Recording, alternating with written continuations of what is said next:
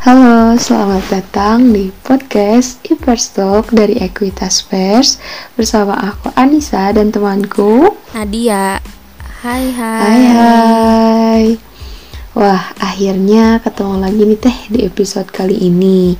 Kalau episode kemarin kan ditemenin sama Teh Tasa sama Teh Asmira ya.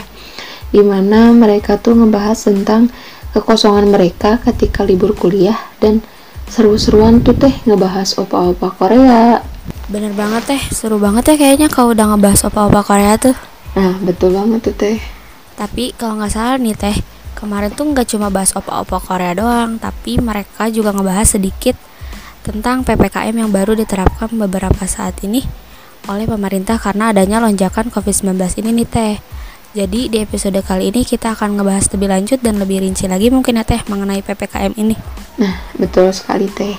Jadi di episode kali ini tuh kita akan ngebahas tentang demo penolakan PPKM yang beberapa pekan lalu dilakukan mulai dari kalangan mahasiswa, pelajar, ojek online hingga pedagang teh.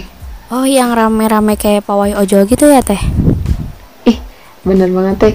Sampai-sampai ya teh yang namanya jalanan aspal tuh berubah jadi lautan hijau dan oranye teh karena ojol-ojol gitu.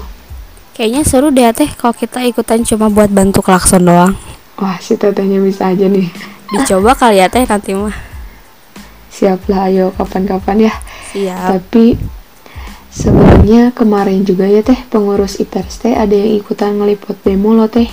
Oh iya bener banget teh kebetulan kebetulan ya kita juga udah tanya-tanya teh tentang kronologi kejadian kemarin itu seperti apa sih gitu. Betul teh, boleh deh teh jelasin nih ke pendengar podcast IPERS Talk tentang demo kemarin.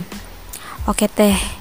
Jadi seperti yang kita ketahui bahwa PPKM ini adalah upaya untuk mengendalikan penambahan kasus COVID di Indonesia. Tapi pandangan mereka yang melakukan demo bahwa pemberlakuan PPKM yang dilakukan mulai dari pusat hingga ke daerah itu tidak berdampak terhadap pengendalian COVID-19 ini.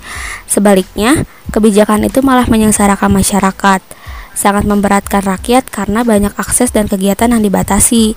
Terlebih lagi adanya pembatasan jam untuk para pedagang, penutupan jalan yang berlebih, serta penutupan berbagai akses ekonomi dan kebutuhan sekunder yang berimbas pada roda perekonomian yang tersendat. Nah, betul banget teh. Terus aku juga nanya nih teh, apakah demo berjalan kondusif atau tidak?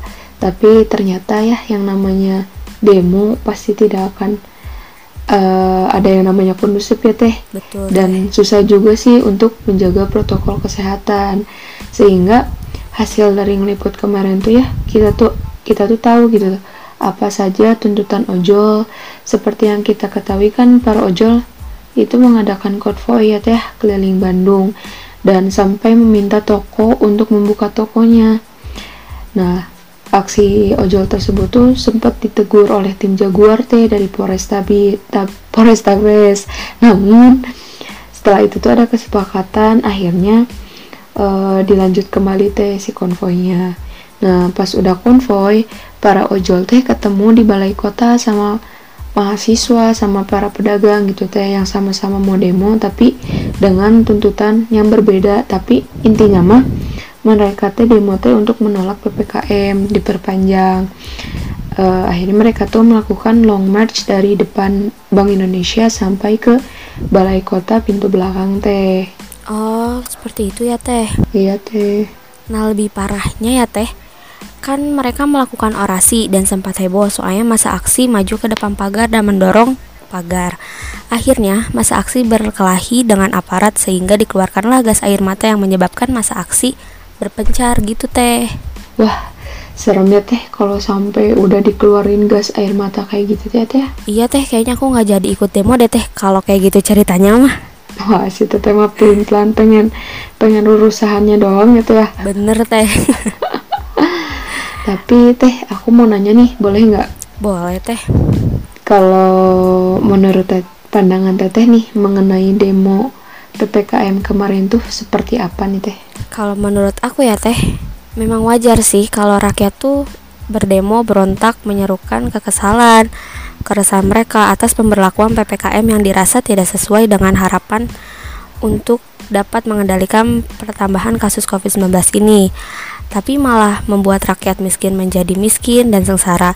Tapi dengan adanya demo yang tidak mematuhi protokol kesehatan ini, mereka malah akan menambah kasus positif COVID dan terbukti kan teh ada beberapa orang yang berdemo akhirnya positif COVID. Nah, kalau menurut tetehnya gimana sih teh pandangan tentang demo kemarin menurut teteh gitu? Kalau menurut aku ya teh PPKM ini tuh sebenarnya nggak adil sih teh karena banyak sekali yang kehilangan pekerjaan bahkan sulit gitu teh untuk mendapatkan makanan. Sedangkan masih aja ada oknum yang gak sabar gitu teh gak kuat buat diam diri di rumah gitu mengikuti kebijakan pemerintah gitu yang akhirnya teh mengakibatkan penambahan kasus positif covid itu terus bertambah teh bukannya berkurang. Sehingga uh, tidak bisa kita tuh sepenuhnya menyalahkan kebijakan pemerintah teh mengenai PPKM yang terus diperpanjang. Iya bener teh. Jadi pada intinya sama kok aku pun kesal dengan PPKM ini, tapi aku berpikir bahwa dengan tidak patuhnya masyarakat terhadap protokol kesehatan sekarang ini malah akan memperpanjang masa PPKM dan terbukti kan teh sekarang PPKM diperpanjang dan dinamai PPKM iya, level 4. Iya, udah sampai level 4 aja. Kira-kira sampai berapa level ya teh kalau misalnya kita semua tuh nggak patuh dan nggak masih nggak sabar gitu teh untuk berdiam diri di rumah. Iya teh aku takut sampai level 10 nih teh. Bahaya banget aku udah kangen sama kampus teh. Wah sama nih aku juga kangen kampus teh. Tapi ya teh sebenarnya intinya nih teh ya mau berapapun level ppkm ini gitu ya uh, intinya bersabarlah ya teh karena dengan kita bersabar dan menahan segala aktivitas yang kita rindukan gitu ya yang bisa membuat kita bahagia di luar sana gitu itu tuh akan lebih baik gitu teh dibandingkan kita tuh memaksakan untuk keluar dan untuk memaksakan harus main gitu itu akan mengakibatkan PPKM ini tuh akan diperpanjang terus dan terus ya teh ya. Tuh banget teh. Maka dari itu yuk kita patuhi protokol kesehatan yang ada dan kebijakan pemerintah yang ditetapkan demi kebahagiaan di kemudian hari. Intinya, stay healthy, stay happy, and see you next podcast. Dadah.